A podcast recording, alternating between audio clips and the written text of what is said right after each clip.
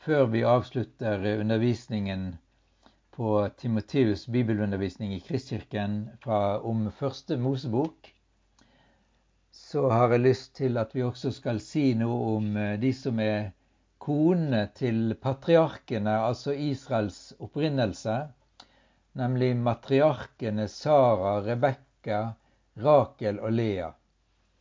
I Første Mosebok kapittel 11 vers 27-32 fortelles det om Taras slektshistorie.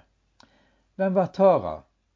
Han var i Sems slekt, altså etterkommer etter Noah. Da Tara bodde i Uri Kaldea, fikk han sønnene Abraham, Nahor og Haran. Abraham tok Sarai som sin kone, men det fortelles Sarai var barnløs hun kunne ikke få barn. Hebrebrevets forfatter slår fast at hun var ufruktbar. Kapittel 11, vers 11.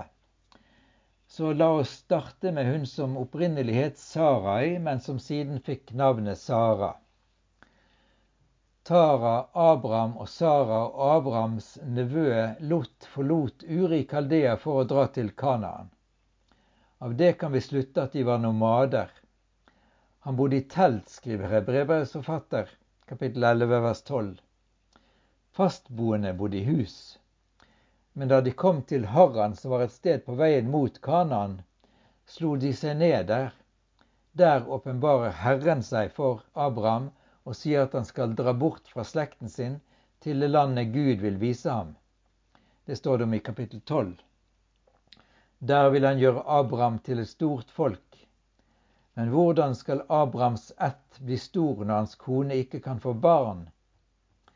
Sarai kommer med et forslag til sin mann Abraham. Hun hadde en egyptisk slavekvinne som het Hagar. Det norske ordet slavekvinne kan gi feile assosiasjoner. På hebraisk heter det shifra, som kan oversettes med tjenestekvinne. Så når vi seinere i denne artikkelen og podkasten leser direkte fra Bibelselskapets oversettelse om slavekvinne, så kan vi tenke inn i det at det kan like gjerne stå tjenestekvinne. Men så kommer Sarais forslag. Sarai sa til Abraham, Hør på meg, Herren, altså Javé, har hindret meg i å få barn. Gå inn til slavekvinnen min Kanskje får jeg en sønn ved henne. Abraham hørte på det Sarai sa, og Abrahams kone Sarai tok Hagar, den egyptiske slavekvinnen sin, og ga henne til kone for Abraham, mannen sin. Abraham hadde da bodd ti år i landet Kanaan. Han gikk inn til Hagar, og hun ble med barn. Men Gud hadde ikke sagt at det var slik Abraham og Sara skulle få en slekt. Og dermed og derfor starter mange problemer. Slik står det videre i kapittel 16. Men da hun, altså Hagar, oppdaget at hun var med barn, så hun ned på husfruen sin. Da sa Sarai til Abraham, det er din skyld at jeg blir krenket. Jeg ga min slavekvinne i din hånd, din favn, men da hun oppdaget at hun var med barn, så hun ned på meg. Herren skal dømme mellom meg og deg.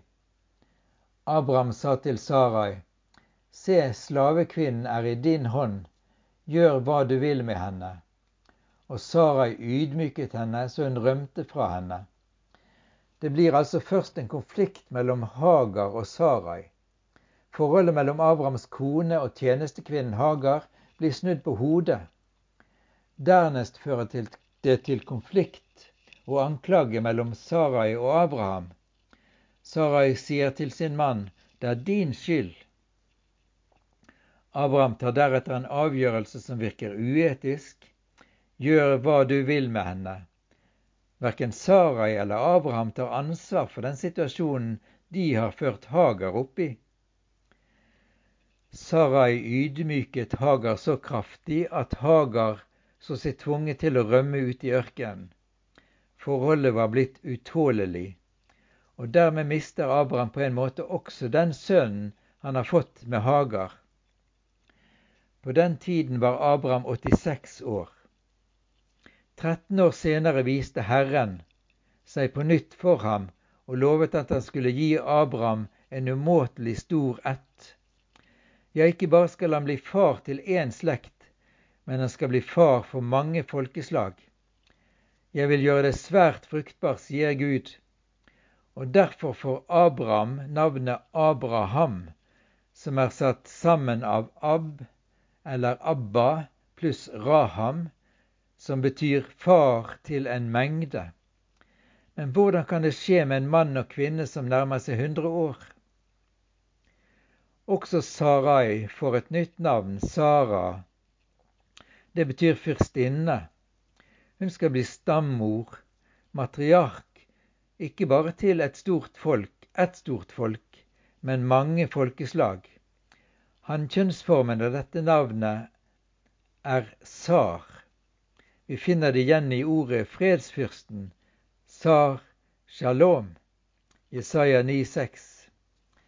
Gud har sin plan, og gjennom tre menn kommer han til Abraham, som det fortelles om i kapittel 18.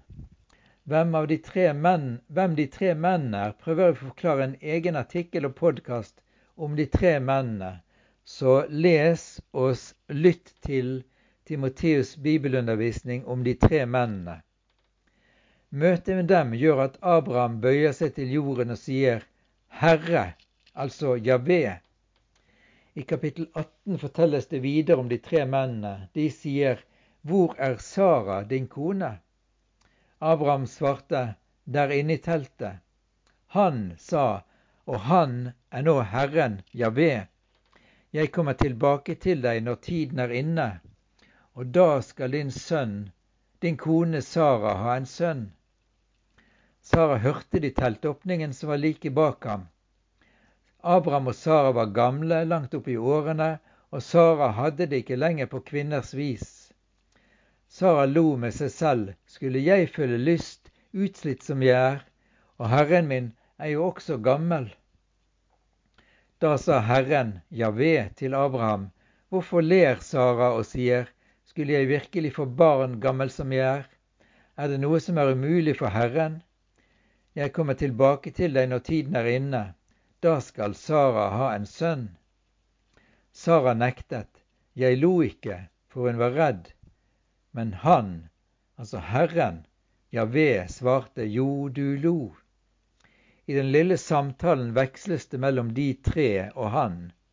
Det er en underlig veksling, men i teksten virker det uproblematisk. Hvorfor? Han, den ene av disse tre mennene, er tydeligvis Herren Javé, slik avsnittet, avsnittets slutt forteller. Og senere forstår vi at de to andre er engler. Sara hører det som blir sagt, og hun ler. Ler hun av glede, undring eller vantro? Helst av vantro, slik vers 12 sier. Skulle jeg føle lyst, utslitt som jeg er, og Herren min er også gammel. Det hele virker umulig, men ingenting er umulig for Herren Javé. Når vi leser videre og kommer til kapittel 21, fortelles det at Gud oppfylte sitt løfte. Herren, Javé, tok seg av Sara slik han hadde sagt.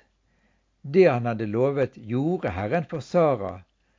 Sara ble med barn og fødte Abraham en sønn på hans gamle dager, ved den tid Gud hadde sagt ham. Abraham ga sin nyfødte sønn, som, som Sara hadde født ham, navnet Isak.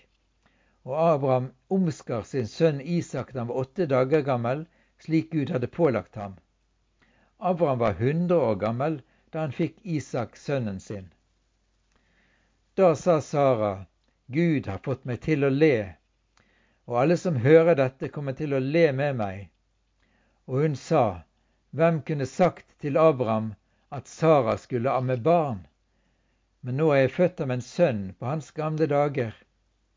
Og nå ler ikke Sara i vantro, men av glede.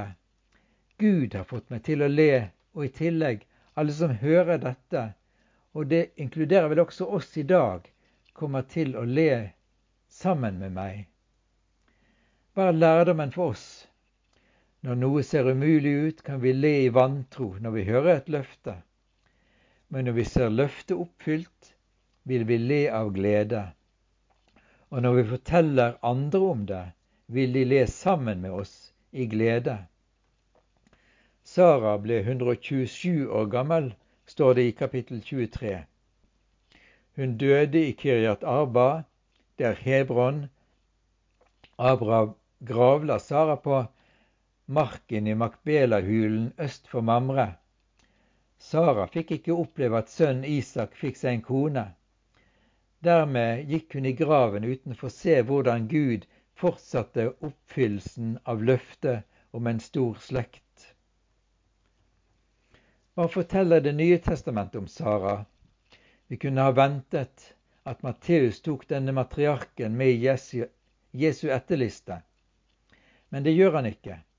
De eneste kvinnene som er nevnt der, er Judas kone Tamar, Rahab, Ruth, Urias kone og Maria Jesu mor. Heller ikke Lukas har med Sara i Jesu ettertavle. Han nevner faktisk ingen kvinner. Hører vi om Sara i Det nye testamentet? Kun tre steder er hun nevnt ved navn, og ett sted er hun omtalt uten navn. Paulus skriver i Rombrevet 9,5 og følgende.: Det er ikke slik at Guds ord har slått feil. For ikke alle israelitter tilhører virkelig Israel, og ikke alle Abrahams etterkommere er Abrahams barn. Det står jo gjennom Isak skal du få en ett som skal kalles din. Det betyr det er ikke de som er hans barn av kjøtt og blod, som er Guds barn. Bare dem som er barn ut fra løftet, regner han som Abrahams ett for det var et løfte han fikk. Jeg kommer tilbake til deg når tiden er inne, og da skal Sara ha en sønn. Videre leser vi i Hebrebrevet kapittel 11. I tro fikk også Sara kraft til å grunnlegge en ett, enda hun var ufruktbar og for gammel til å få barn. For hun stolte på at han som hadde gitt løftet, var trofast. Fra en mann som var uten livskraft, kom det derfor en ett så tallrik som stjernene på himmelen, og så talløs som sanden på havets strand. I 1. Peters brev kapittel 3 fra vers 5 beskriver Peter Sara som et forbilde. For slik smykket de hellige kvinnene seg i tidligere tider, de som satte sin lit til Gud. De underordnet seg sine menn slik Sara var lydig mot Abraham og kalte ham herre. Hennes døtre er dere nå blitt, når dere gjør det gode og ikke lar dere skremme av noen trussel. Og så Galaterbrevet, kapittel 4, vers 28 til 31. Der kalles Sara den frie kvinnen, i motsetning til slavekvinnen Hagar. Slik står det, og deres søsken er barn ut fra løftet, slik som Isak. Men han som var født etter naturens orden, forfulgte den gang han som var født ved ånden, og slik er det også nå. Men hva sier Skriften? Driv bort slavekvinnen og sønnen hennes. For slavekvinnens sønn skal ikke arve sammen med den frie kvinnes sønn. Altså, søsken, er vi ikke barn av slavekvinnen, men av den frie kvinnen. Og så er det neste generasjon, der vi leser om Rebekka, Isaks kone. Første Mosebok kapittel 24 forteller hvordan Isak fikk Rebekka til kone.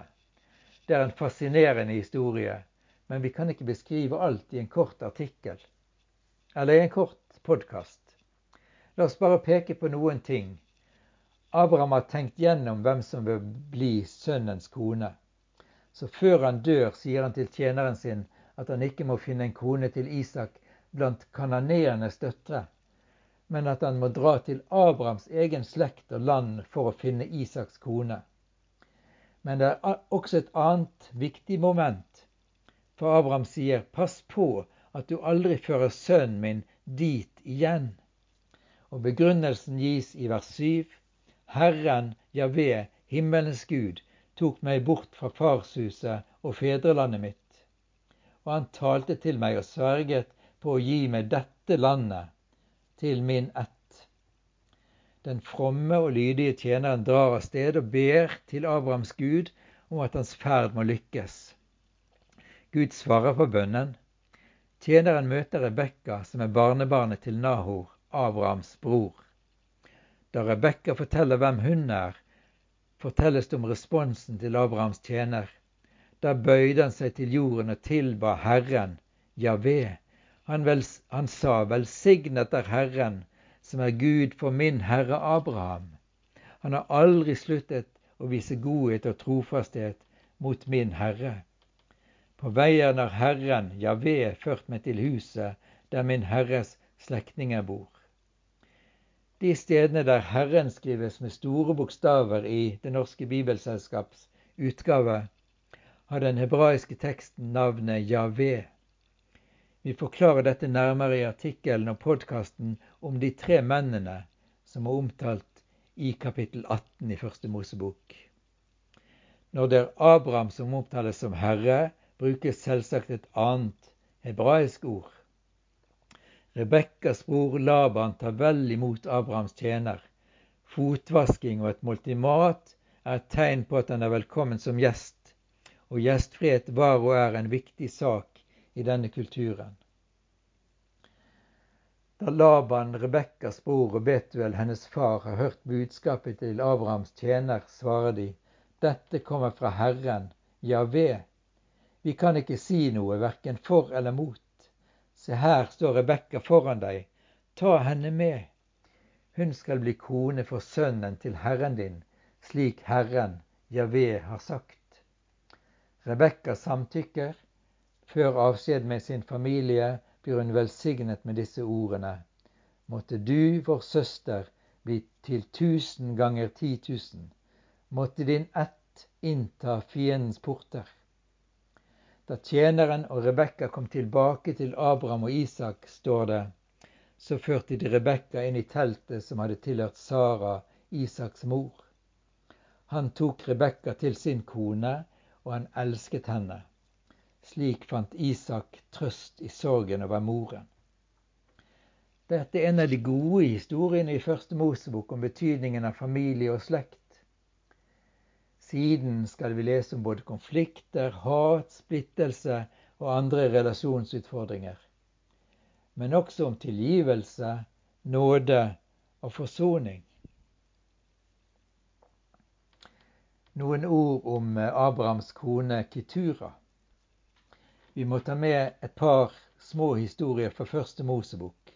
Og Den første er Abrahams kone Ketura og deres sønner. Abraham tok en kone etter Saras død, heter det. Hun het Ketura, og de fikk seks sønner. Men ingen av dem fikk arve noe fra Abraham, på samme måte som heller ikke Ismael arvet noe. Kun løftet sønn Isak arvet sin far. De andre fikk noen gaver. Og så mer om Esau og hans koner, eller hele denne historien om Esau og Jakob, broren, og alt det omkring det. Eh, også Rebekka var ufruktbar, heter det, akkurat som Sara hadde vært. Men etter at Isak hadde bedt for henne, og Herren, Javé, hadde bønnhørt ham, ble hun gravid med tvillinger. Allerede i mors liv slåss de to barna med hverandre. Det vakte bekymring hos Rebekka, en bekymring som varslet konflikt mellom de to barna. Foreldrene Isak og Rebekka var ikke selv uskyldige i konflikten, for Isak elsket Esau, som både hadde det mest maskuline utseendet og de mest maskuline interessene, mens Rebekka holdt mest av Jakob, som var en rolig mann og holdt seg ved teltene, står det skrevet. Jakob hadde imidlertid en karakterbrist som vi også ser hos moren Rebekka, og ikke mindre hos Laban, nemlig det å lure og manipulere andre. Navnet Jakob betyr å narre eller lure. I kapittel 27 fortelles det om hvordan Jakob manipulerer Esau slik at han får farens velsignelse. Da sier Esau, er det derfor han heter Jakob? Nå har han lurt meg to ganger. I historien om hvordan Jakob lurer til seg farens velsignelse, spiller Rebekka en viktig rolle. Og det hun gjør, avdekker også hennes manipulerende karakter. Hun lager til et opplegg som gjør at Esau, den førstefødte sønnen som Isak holdt mest av, mister velsignelsen, mens Jakob, som hun selv holdt mest av, får den. Men denne manipuleringen fører til en stor smerte i familien. Først blir det sterkt hat fra Esaus side mot broren Jakob. Han sier, snart kommer dagene da vi skal sørge over far. Da skal jeg drepe Jakob, min bror. Så blir det en smerte for den gamle faren Isak. Rebekka har ikke noe annet valg enn å be Jakob flykte. Konsekvensen er også at Rebekka blir redd for at hun skal miste begge sønnene, står det i vers 43. Rebekka kunne valgt en annen vei, nemlig å bekjenne at hun, at hun hadde gjort noe fryktelig galt, men i stedet velger hun en måte som betyr at noen må rømme fra problemet. Men det oppstår også et annet problem i familien.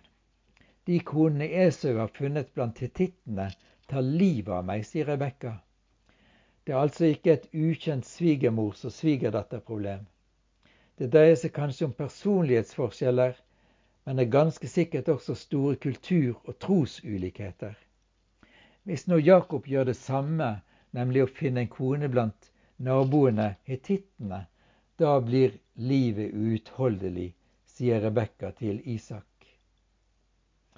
Og i kapittel 28 fortelles det videre. Da kalte faren Isak sønnen Jakob til seg. Han velsignet ham og formante ham. Du skal ikke ta deg en kone blant kvinnene i Kanaan, Dra straks til din morfar Betuels hus. Der skal du ta deg en kone blant døtrene til Laban, morbroren din. Måtte Gud den veldige velsigne deg. Hva som så skjedde med Jakob, kan du lese fra kapittel 28 følgende.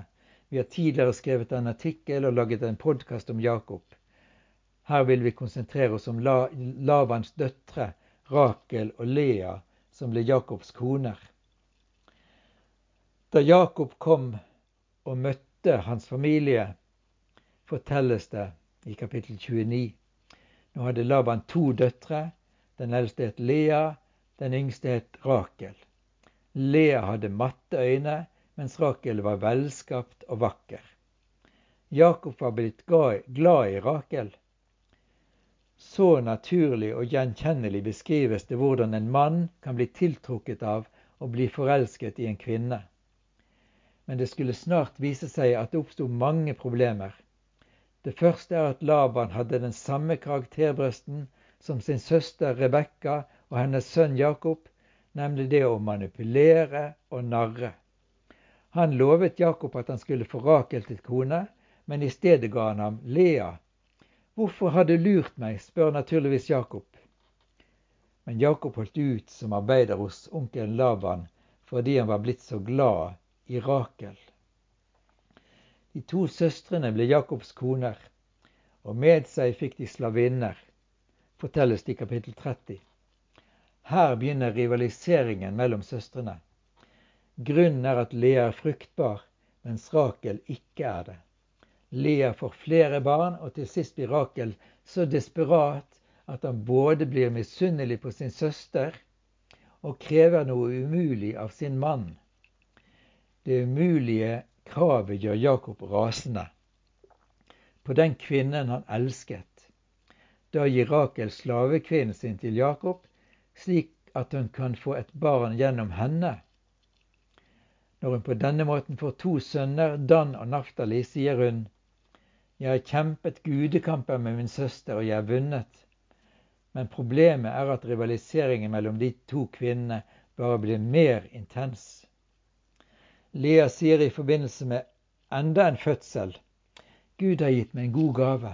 Denne gangen vil mannen min vise meg respekt, for jeg har født ham seks sønner. Men så, endelig, blir Rakel gravid, fortelles det i vers 22 og følgende. Da husket Gud på Rakel. Han hørte henne og åpnet morslivet hennes, som ble med barn, og fødte en sønn. Da sa hun, Gud har tatt bort min skam hun kalte ham Josef, for hun sa, måtte Herren, Javé, gi meg enda en sønn. Og den sønnen hun fikk, fortelles det om i kapittel 35. Men fødselen var så hard at Rakel døde. Like før hun døde, ga hun gutten navnet Ben-Oni, som betyr min ulykkes sønn, eller min smertes sønn. Men faren, Jakob, kalte han Benjamin, som betyr lykkens sønn. Og så litt om forholdet mellom Laban og disse to døtrene Lea, og Rakel. Vi må ta med det som berettes om forholdet mellom Laban og døtrene Rakel og Lea. Konflikten ble så stor mellom Laban og Jakob at Jakob valgte å flykte.